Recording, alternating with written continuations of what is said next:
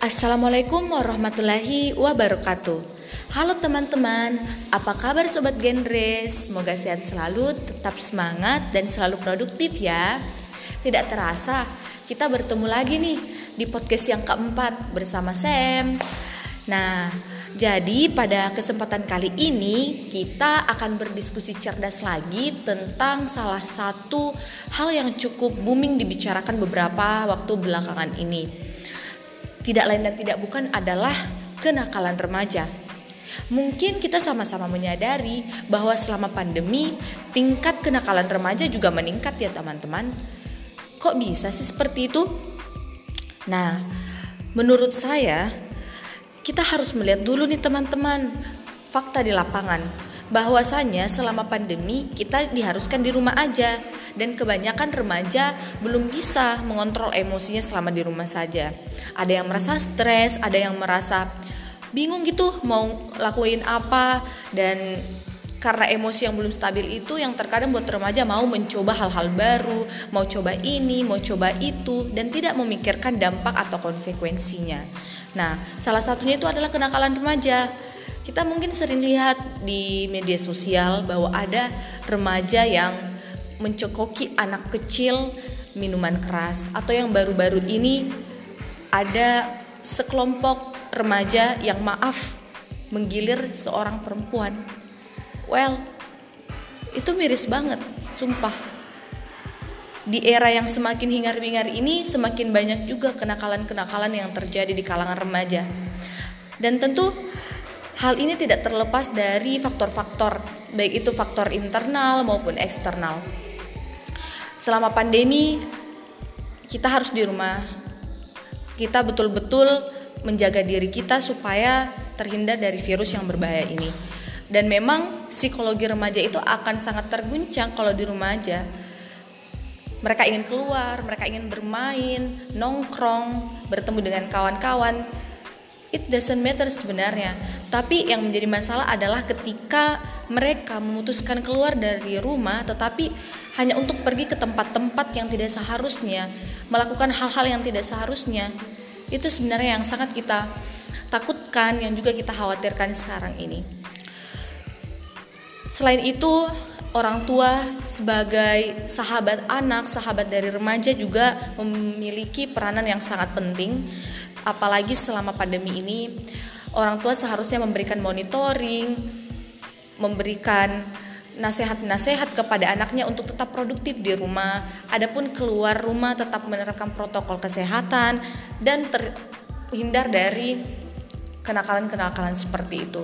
Bagaimana orang tua di sini menerapkan fungsi perlindungan kepada anak agar anak ini bisa terhindar dari hal-hal yang demikian itu. Hal yang bikin miris itu ya teman-teman, ketika kita melihat bahwa ada kalangan remaja yang masih berpikir bahwa e, eksistensi diri itu didapat dari hal-hal yang negatif. Dikata keren ketika mencoba narkotika, ketika melakukan aksi vandalisme, ketika melakukan tindakan anarkis yang merusak fasilitas umum dan mengganggu ketentraman masyarakat, dikata keren kalau uh, membuat geng motor, kemudian uh, balap-balapan di jalan, tidak mematuhi aturan lalu lintas, tidak menggunakan safety, dan berbagai macam penyimpangan lainnya. Persepsi yang seperti itu yang harus kita luruskan bersama teman-teman, karena memang masa remaja itu adalah masa di mana kita mencari jati diri, tetapi kita harus mengolah diri juga. Bagaimana dalam proses pencarian jati diri itu kita menggunakan cara-cara yang positif, cara-cara yang produktif, dan tentunya cara-cara yang tidak merugikan orang lain. Karena itulah tugas kita sebagai remaja.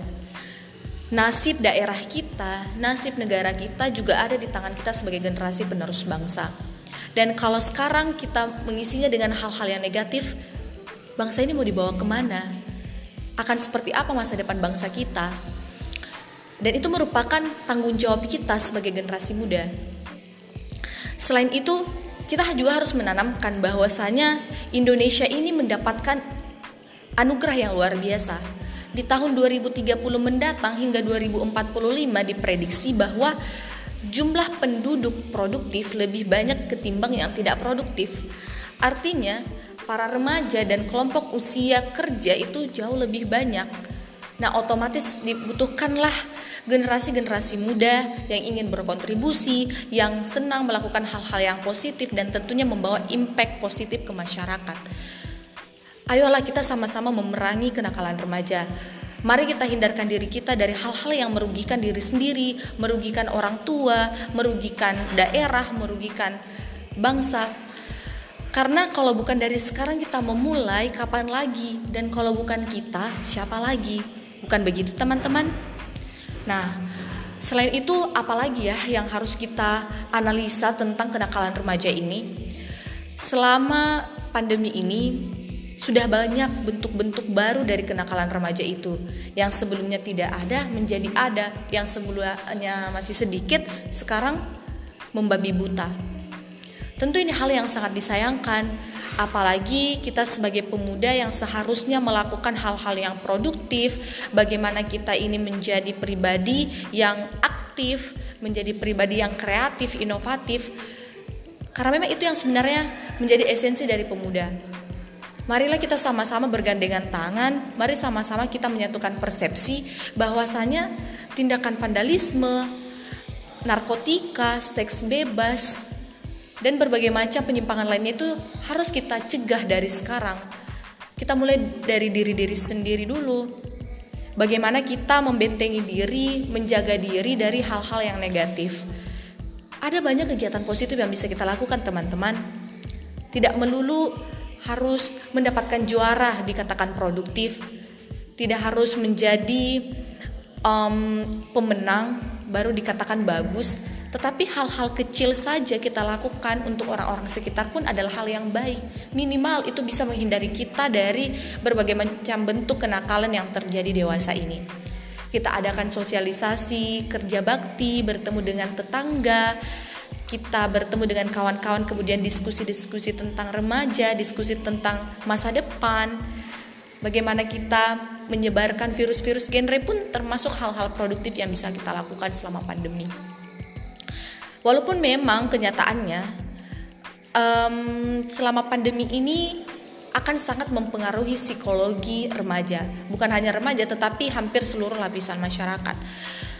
Contohnya saja um, kenakalan remaja yang cukup memprihatinkan belakangan ini seperti free sex, seperti narkotika, itu semua karena remaja masih terombang-ambing dengan kontrol emosionalnya emosinya belum stabil sehingga ingin melakukan hal-hal baru walaupun itu negatif. Seperti itu kan teman-teman. Lain daripada itu banyak sekali remaja yang belum menyadari bahwa ada konsekuensi yang harus diterima dari penyimpangan tersebut. Misalnya seks bebas, itu akan sangat berpengaruh ke perempuan dan juga laki-laki. Perempuan akan sangat berpengaruh ke kondisi psikisnya, fisiknya. Begitu juga dengan laki-laki yang harus siap ekonomi, harus siap finansial, yang bila mana terjadi hal-hal yang tidak diinginkan dari hubungan sebelum nikah tersebut. Itu salah satu contoh. Atau contoh yang paling dekat lagi, yang belakangan ini kerap kali terjadi, um, narkotika, minuman keras, hal-hal seperti itu seolah dianggap hal yang wajar. Karena memang kita membiarkan. Kebanyakan dari kita yang mungkin kita tahu bahwa itu nggak baik tapi kita cenderung apatis kita cenderung ah itu kan urusannya mereka. Nah pola pikir yang seperti ini harus kita ubah teman-teman. Mindset yang kita harus diluruskan. Ketika kita memang bisa memberikan wejangan memberikan teguran ayo tegur karena itu demi kepentingan siapa kepentingannya dia dan kita juga kepentingan orang banyak karena hal-hal seperti ini kalau dibiarkan akan semakin menjadi-jadi akan semakin membabi buta dan akan semakin berdampak negatif ke orangnya dan juga orang-orang di sekitar. Contohnya saja beberapa kasus belakangan ini e, dua pemuda yang mencekoki anak kecil dengan minuman keras sampai si anak kecil itu teler. Melihat video itu hati kayak teriris teman-teman itu anak kecil loh yang seharusnya dia main-main dengan nyaman yang harus seharusnya dia ceria kok malah dicekoki minuman seperti itu Hal itu karena apa? Masyarakat mungkin juga kurang memberikan wejangan, kurang memberikan sanksi sosial untuk hal-hal yang seperti itu. Dan itu akan semakin bertumbuh di kalangan remaja kalau bukan kita yang mencegahnya. Kita sebagai agen genre yang harus terjun ke lapangan, memberikan nasihat, memberikan pengarahan, minimal kita bisa mengurangi hal-hal semacam itu. Kita juga turut melindungi anak-anak yang ingin besar dengan bahagia, yang ingin bermain dengan ceria, bukan justru menjadi korban dari kenakalan remaja itu sendiri. Um, saya cuma mau bilang teman-teman, kita sebagai generasi penerus bangsa sudah seyogianya lah kita berkontribusi. Sudah seharusnya kita menjauhkan diri dari segala bentuk kenakalan remaja Kenakalan remaja hanya akan menjadi bumerang bagi diri kita sendiri, bagi ayah ibu kita, bagi teman-teman kita, dan bagi masyarakat sekitar kita. Kita harus memerangi kenakalan remaja itu dari sekarang, dan memang kitalah yang harus bergerak dari sekarang, dan kita yang harus beraksi untuk hal-hal yang positif demi meminimalisir berbagai macam bentuk penyimpangan tersebut.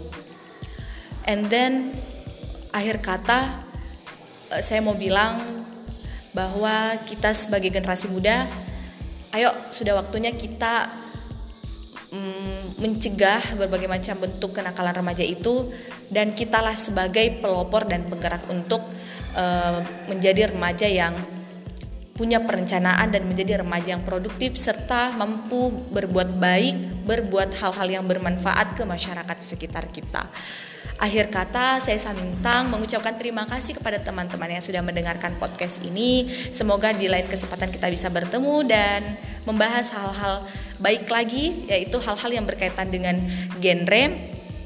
Dan semoga teman-teman juga tetap semangat dan sampai jumpa di pertemuan selanjutnya. See you.